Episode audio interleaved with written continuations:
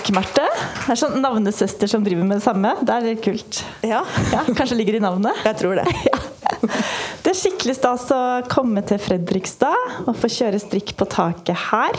Nå har vi jo hatt strikk på taket noen ganger i Oslo, og det er litt, sånn litt de samme folka som kommer dit òg, så det var jo ekstra hyggelig. Uh, skal vi bare kjøre i gang? Jeg syns vi gjør det. Vi gjør det. Skal vi klappe opp Tina først, Da da? må Tina få komme.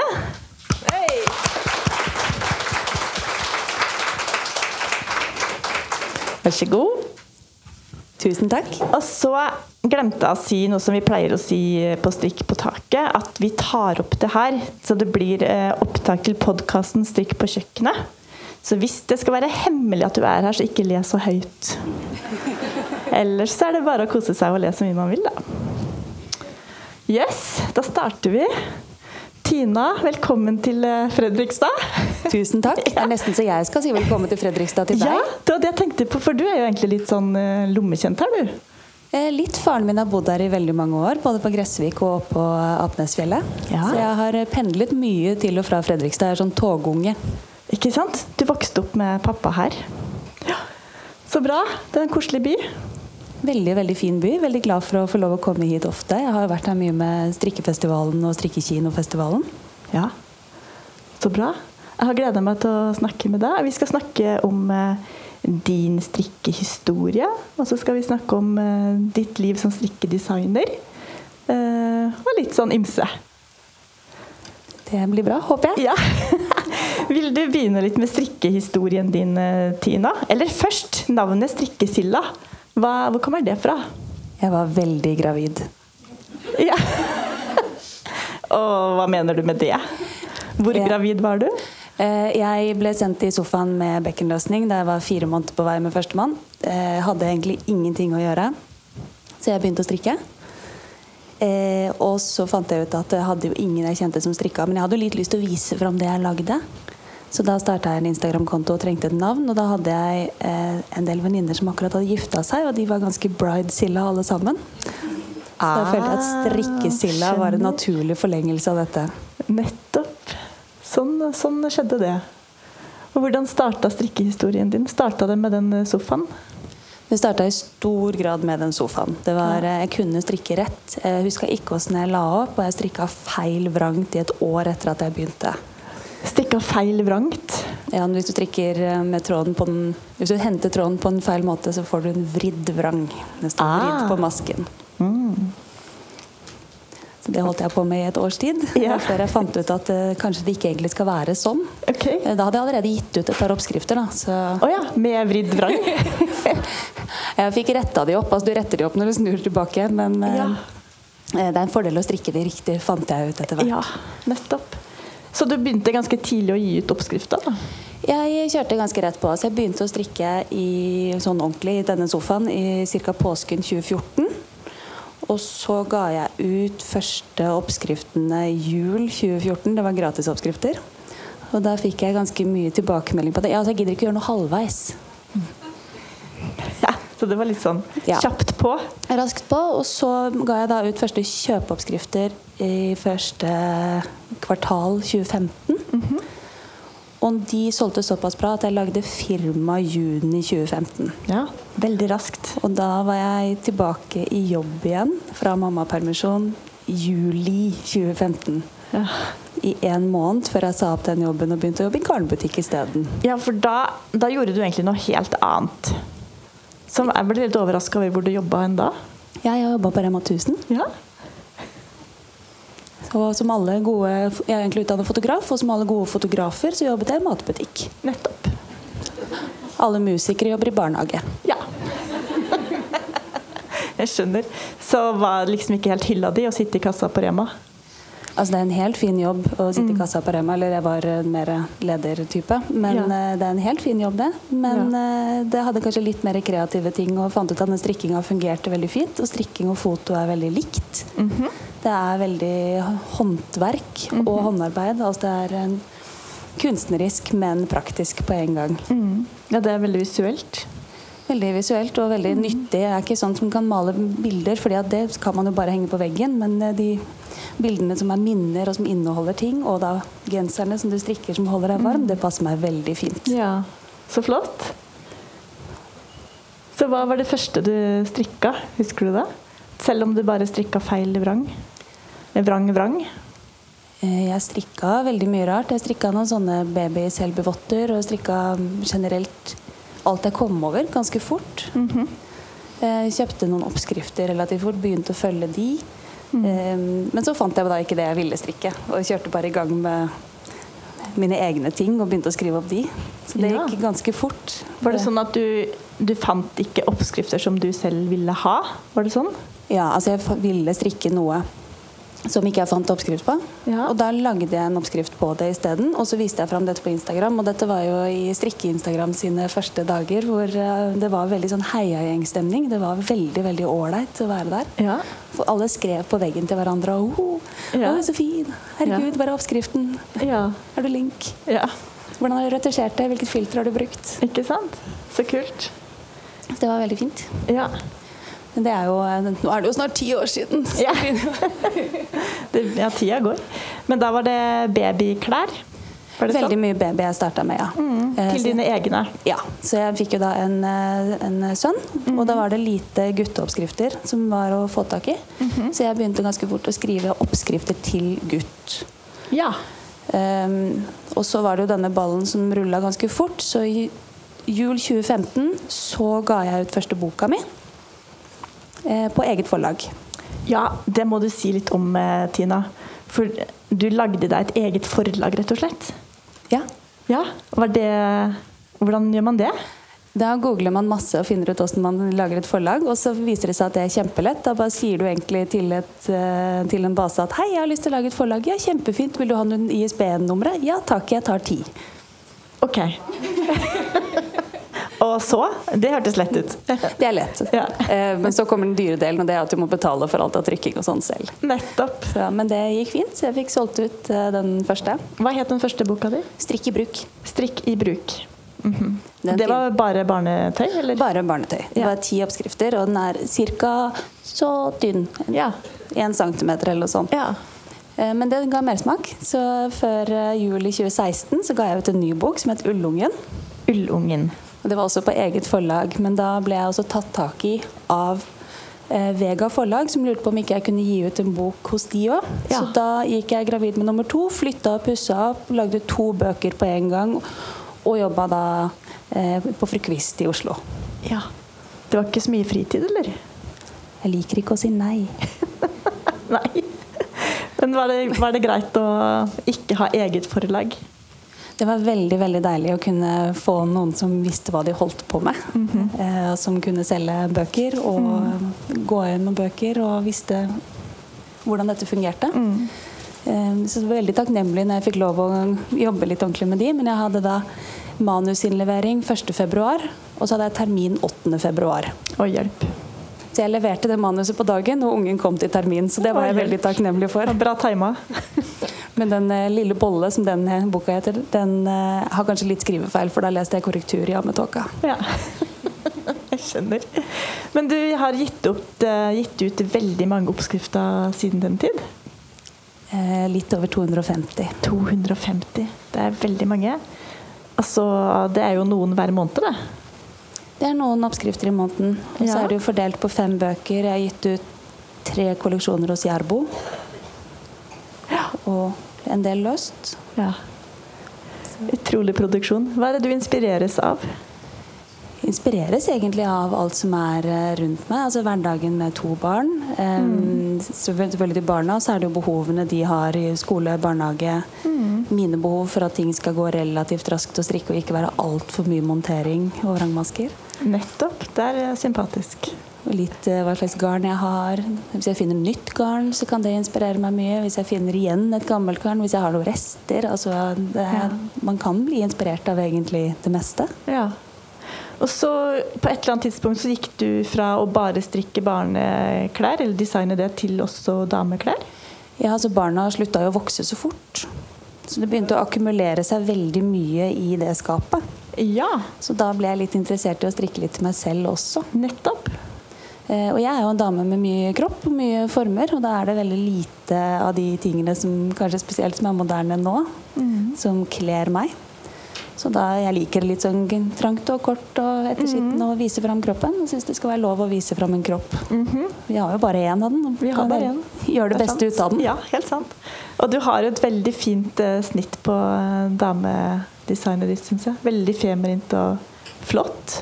Tusen takk. Og så tar du veldig fine bilder til Instagram. Tenker du at det, det er en fordel å være fotografutdanna òg, eller? Det er jo veldig en fordel. Samboeren min sa det når jeg starta opp, at ja, nei, du var jo ikke så veldig flink til å strikke, men du tok jo fine bilder, da. Ja.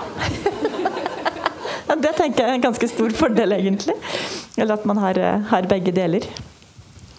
Altså, man har mange bein å stå på. Det kan aldri bli feil. Nei, sant. Hvordan er hverdagen din nå da, Tina? For du, du sa opp, som du sa, du sa opp liksom jobb, butikkjobber. Du har jobba på Rema. Jobba på Rema, så begynte jeg i garnbutikk. Så begynte du på garnbutikk i nærheten av der jeg bor, på Lambertseter. Ja, først på Lambertseter, på Ja. nøstet mitt der. Og så Ja. gikk jeg videre til Fru Kvist, som ligger i Oslo sentrum. Ja. Eh, og så, omtrent da jeg gikk ut i, eh, i foreldrepermisjon med barn nummer to, så sa jeg opp på Fru Kvist og begynte å jobbe fulltid med strikkesilla, som jeg da har drevet sammen med min bestevenninne Veronica. Ja. Ja, så er- dere er to stykker. Vi er to stykker, og hun er utdanna Mm. mediegrafiker, altså sånn som gjør alt av logoer og farger og fonter og sånn. Mm. Eh, og eh, har en bachelor i økonomi. Ja, så smart. Så det er en veldig en fordel å ha med seg på laget. ja. Men eh, hvordan tenkte du, eller hvordan var det å liksom gå over fra å ha strikk som hobby til å jobbe med det 100% Det var egentlig en snøball. Det, Mhm. Jeg sa bare aldri nei, sa ja til alt. Og så sitter jeg her. Ja. Så fint motto. Ja. Men er det, er det fint å så bare ha det som, eh, som jobb, eller kjenner du litt på at det ikke er hobby mer, eller hvordan opplever du det? Det er jo definitivt et skille. Det Mhm. er veldig sjelden jeg kan strikke noe som ikke er jobbrelatert. Ikke sant? Eh, Det er veldig sjelden jeg kan eh, dra på ferie uten å ta med meg masse jobb. Jeg har alltid med meg ca. 1000 ting som jeg skal strikke og gå gjennom og holde orden på. Jeg har jo alltid Instagram hvor jeg prøver å ha sånn halvveiskontroll. Mm. Og svare på når folk lurer på noe i løpet av en ferie. Så jeg har alltid minst 20% på jobb. Ja, ikke sant? Men samtidig de morgenene hvor det snør sidelengs og det er 20 minus og samboeren slipper av ungene på skole og barnehage, jeg kan bare ja, jeg tar kontor i senga. Ja. Veldig bra. Da er det verdt det. Ja.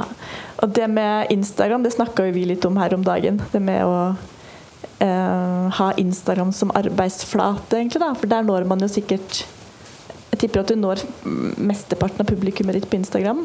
Jeg lever veldig på Instagram. Mm. Um, men jeg har uh, alt av varsler er skrudd av hos meg, så jeg kan bestemme selv hvor mye som kommer inn.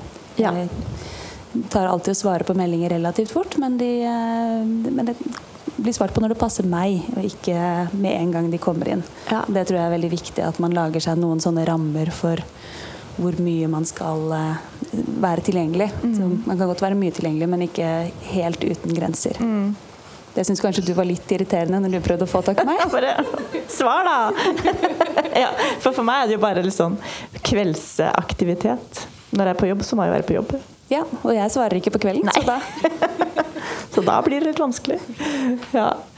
Er det noe annet som du har lyst til å snakke om, eh, Tina? Er det noe vi har glemt å si? Det er jo alltid veldig mye å, å si, men Ja. hvor vi skal ta tak i. Har du noe på gangen nå som du kan røpe, f.eks.? Ja, jeg kan sladre litt. Kan du? det tror jeg vi liker å høre, gjør vi ikke det?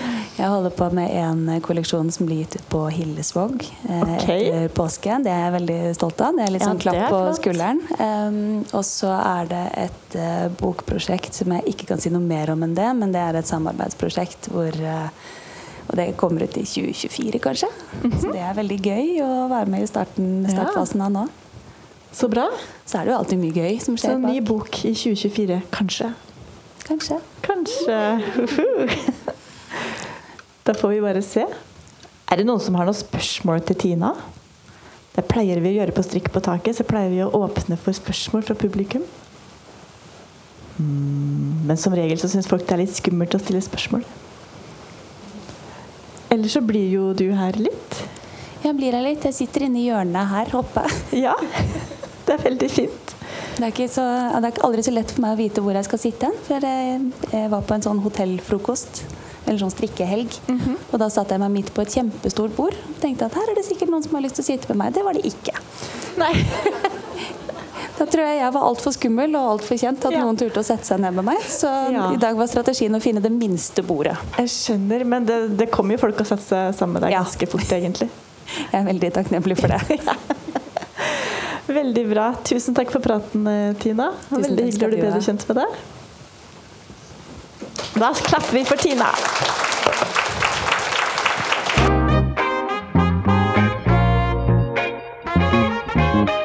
Ok, folkens. Da har vi hatt en eh, hyggelig pause. Folk har fått seg litt i glasset. Og kikka litt rundt på forskjellige salgsbord og diverse. Prata litt, strikka litt. Og så har vi fått opp Henriette. Klapper vi for Henriette. Veldig koselig at du kom hit, da, Henriette. Tenkte jeg skulle dra en hella med en gang. Ja. En helle. Ja, for du er liksom lokal. Lokalt. Ja. Hvor lokal er du? Altså, jeg var jo oppvokst i, i Sarpsborg, men hele familien min er fra Fredrikstad. Så Ok. Har holdt til her mest. Ja, Og hvor bor du nå? Nå bor jeg på Hvaler. Gjør du? Veldig langt ja, ute. Det er vakkert. Jeg tror du skal holde mikrofonen litt, Ja, litt. nærmere. Ja, litt høyere. Det er veldig bra. Så eh, Henriette. Dette her dette er din face reveal. Ja, det Ja. absolutt. Det er liksom Ingen som vet hvem jeg er. Med maska. Nei, ingen vet hvem du er. så jeg har liksom holdt en lav profil jeg, fram til nå. Ja, altså, Er dette første gang du liksom viser ansikt? Altså, jeg har, har jo vært eh, Lengre tilbake så var jeg med på en bok med ni andre designere, så da var det jo litt sånn promotering den gangen. Men uh, utenom det så er det helst ikke bilder av meg selv. Du har, nei, for på Instagrammen din så er det hvis man scroller litt sånn langt, langt, langt, langt, langt, langt ned, Ja. så finner man et bilde av deg. Ja, det er liksom, da, da må det til, for da er det et eller annet pannebånd eller Ja. genser eller ja. Du fant ikke noen andre Fant ikke noen andre, det? så det ble meg. Men navnet Rille Rundt, hvor kommer det fra? Du, det var eh, Jeg begynte vel Egentlig så kalte jeg meg vel for Henry Strikk før. eh, og så sier mannen min at nå, nå begynner det å utvikle seg, så nå må du ha et annet navn. Ok.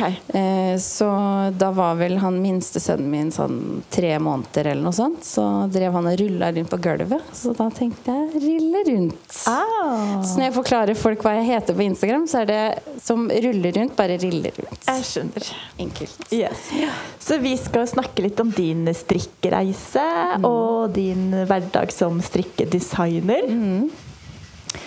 Og alt det andre som du driver med. Ja. Det er jo, du er jo litt overmenneske. ja. Ja. På overdrift. ja. Du kjeder deg ikke så mange sekunder i løpet av døgnet, tror jeg. Nei. Men uh, hvor starta strikkereisen din, da? Altså, min eh, strikkereise starta Jeg strikka under sykepleierstudiet, for jeg er utdanna sykepleier. Eh, Så jeg strikka masse skappelgenser. Jeg var oppe i 30 stykken Mens du studerte? mens jeg studerte. Det bare jeg du som sitter på forelesning og strikker Ja, ble liksom på frista når jeg så eh, mine med, medelever, holdt jeg på å si, så strikka under eh, forelesningene. Og så var det jo ikke alle som var like spennende, så da ble det strikk. Ja. Og så var det, var det veldig poppis med den skappelgenseren den gangen, så Ja. da var det veldig mange venninner som ville ha det. Ikke at jeg var verdens beste til å strikke dem, men det ble 30 til sammen. 30. Altså, da, og da strikka du ikke 30 til deg selv? Nei, Nei. jeg tror jeg beholdt én.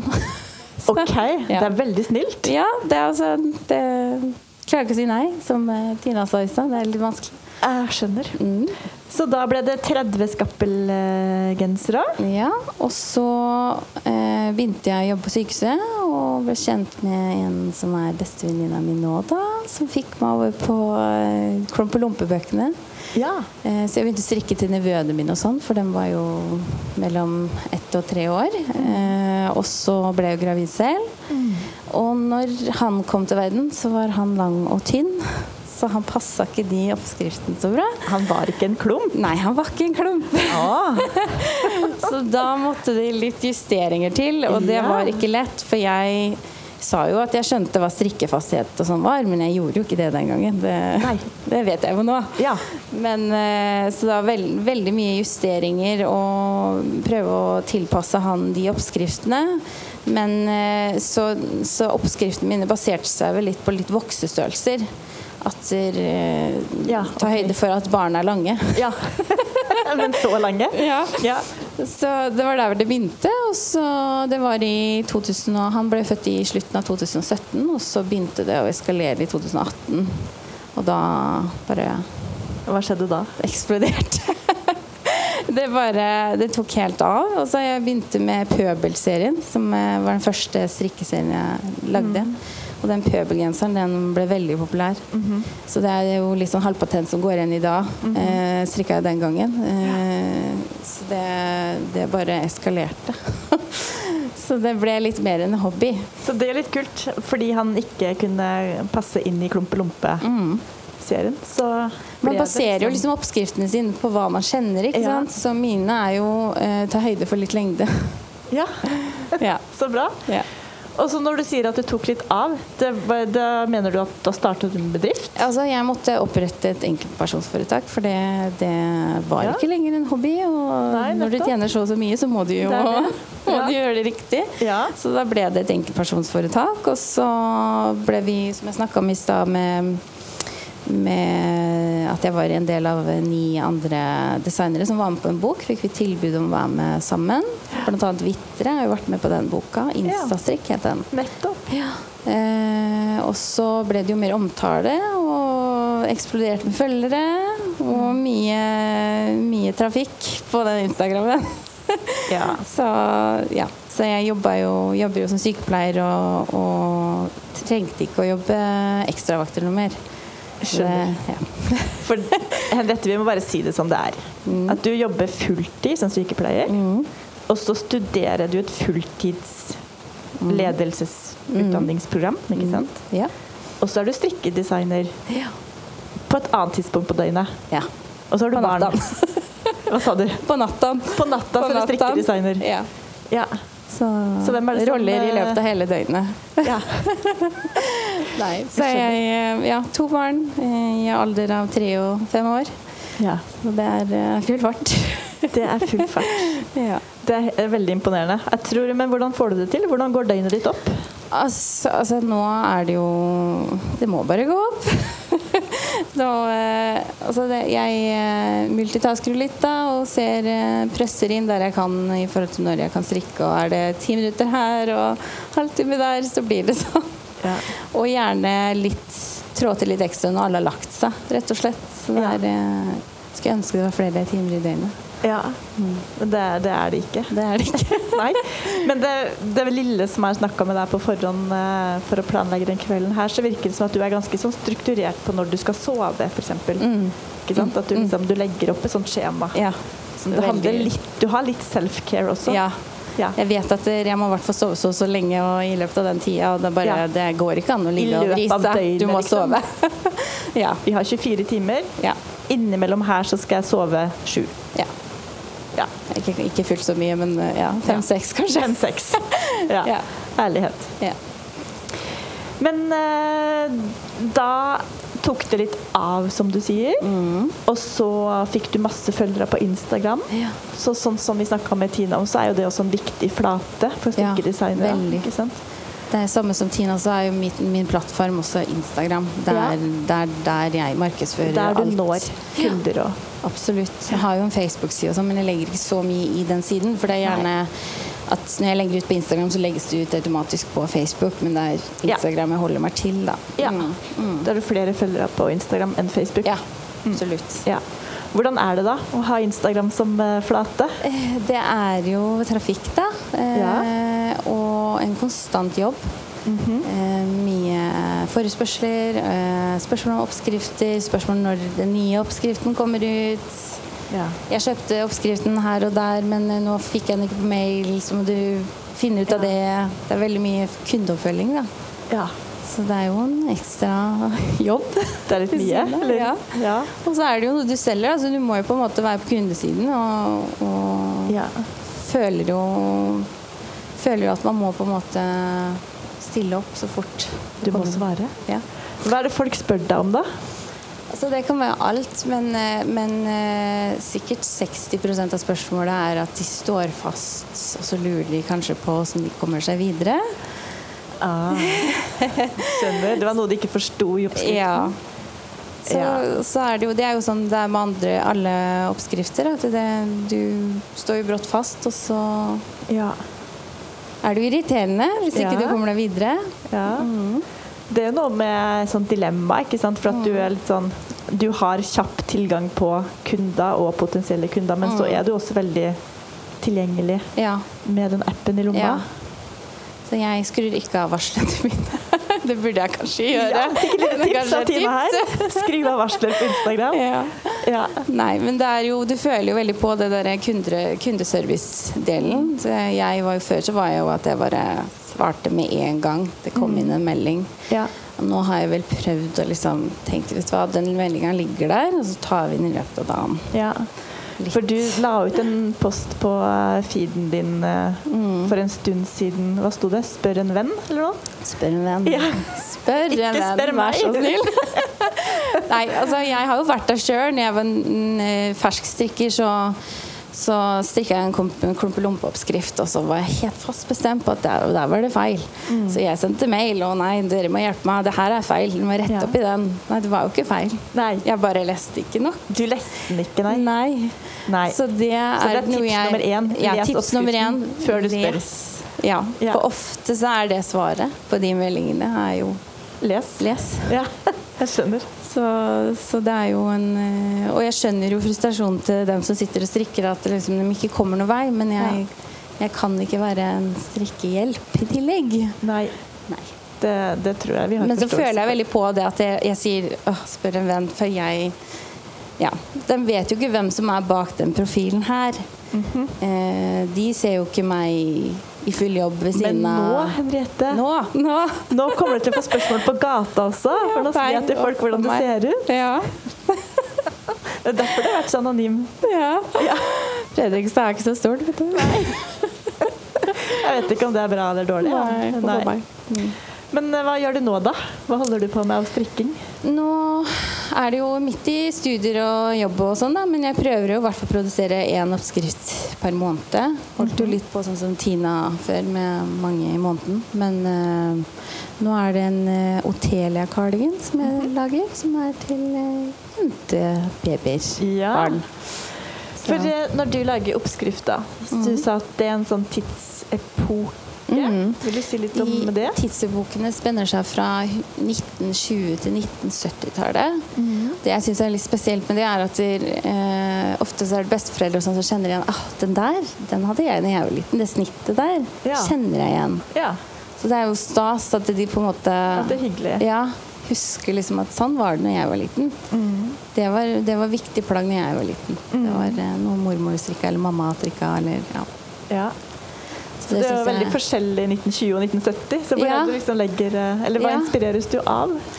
Altså, jeg elsker å se på gamle, gamle hefter og bilder og for å se hva er det som egentlig var greia bak da, den tida, da. Eh, Så jeg fikk jo et lass av bestemor eh, lenger tilbake med jeg tror det var oppskrifter fra 1950-tallet. Sånn kjempegamle okay. ja. Så det var stas å se liksom, hva er det som var in da. Ja, For strikk har jo vært i mange år. Så det mm. nettopp. For du lager også litt eh, Du lager ikke bare barnetøy? Lager litt voksne. Så det er jo den genseren ja, som alle har fått i dag. Ja, sant. For nå på bordene så lå det en uh, oppskrift. Mm. Og den har du på deg? Den har jeg på meg. Kan jeg reise den opp? Ja, gjør det. Vise. Den er strikka ca. 10 cm kortere på bolen enn det som står i oppskriften, men det går an å lage den da sånn, er, sånn cirka over hofta. Ja. Så det er, eh, den er Det her er large, og jeg er sånn large medium. Hvilket garn er det? Altså det, det er eh, minst det står litt eh, garnalternativer i den oppskriften, men eh, den kan strikkes i dobbelt tråd, drops ear. Så vet jeg at Garnius har produsert Big, big Ear, som er til pinne 9. Den er, det er den den her er strikka i. Pinne 9? Ja. Ja, Så den uh, syns jeg holdt fasongen bra, i hvert fall. veldig fin. Ja. Veldig flott. Ja. Mm.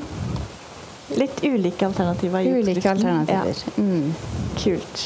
Så det er jo avhengig av hvordan du vil at er- ermene skal ligge. Om de skal på en måte være litt pusete eller eh, Ja, poff. ja. Hadde du med noe mer du ville vise oss? Ja, og så nå tok jeg vel ikke opp den veska. Vil du løpe og hente det, så Kommer det med Da får du jammen meg hjelp av en eh, Har du med assistenten din? Assistenten min Altså, så fikk meg til å begynne å strikke, vet du. Å ja. Skal vi se. Nei, så det, det er Jeg kan holde mikrofonen hvis du vil. ja, Bare snakke nærme den. ja. Så da har jeg lagd eh, opp igjennom nå, så har jeg lagd to he- strikkehefter som er eh, kalles epokestrikk. Eh, så har jeg litt eh, plagg med da, fra de heftene. Ja. Kanskje vi skal reise oss, Henriette? Ja. Så er det jo litt forskjellig til Det her er jo både til gutt og jente. Eh, Så jeg tenker liksom sånn som nå når 17. mai kommer og sånn, så er det veldig fint. Veldig fin. Litt sånn hullmønster. Ja, og så er det strikketeppe. Og så det her er oppskrifter som Du må bare kunne rett vrangkast. Ja. Vel? Sånn babypledd. Ja. Veldig flott. Så det er eh, Litt Den her kalte jeg opp etter bestefaren min, som døde for to år siden. Mm. Badedrakt. Badedrakt. Det er jo sånn som kan minne om badedrakt på 60-tallet. Så det er Veldig eh, flott. Ja. Ja, så har vi Kaja-genser. Veldig fin. Så mye gøy du har med deg. Mye gøy. Og så har vi så vi Kaja-bluse, da. Disse oppskriftene er jo de heftene. Ja. Så der. Ja. Så blonde, blondestrikk, egentlig. Så har vi 17. mai-kjolen, da, som ble i den ene Den er litt vanskelig å holde opp, men Veldig en hefte. Så det er jo litt Du ser jo snittet fra litt tilbake i tid, da, blanda med nå. Jeg vet ikke om det går an å høre på opptaket, men her sies det åh, åh. Hver gang Henriette tar opp noe nytt. Det var det du hadde med. Veldig kult. Men da, Henriette, tusen takk for at du kom. Jo, takk for at jeg fikk komme. Ja. Veldig gøy å bli bedre kjent med deg. Så Ja. fikk vi vist fram det flotte ansiktet ditt. Ja. Sånn ser hun ut, altså. Lilla rødt. Nå er det ikke noe hemmelighet mer. Du så det først hos Strikk på taket. Ja. Husk på det. Ja. Tusen takk for at du kom. Takk for at jeg fikk komme.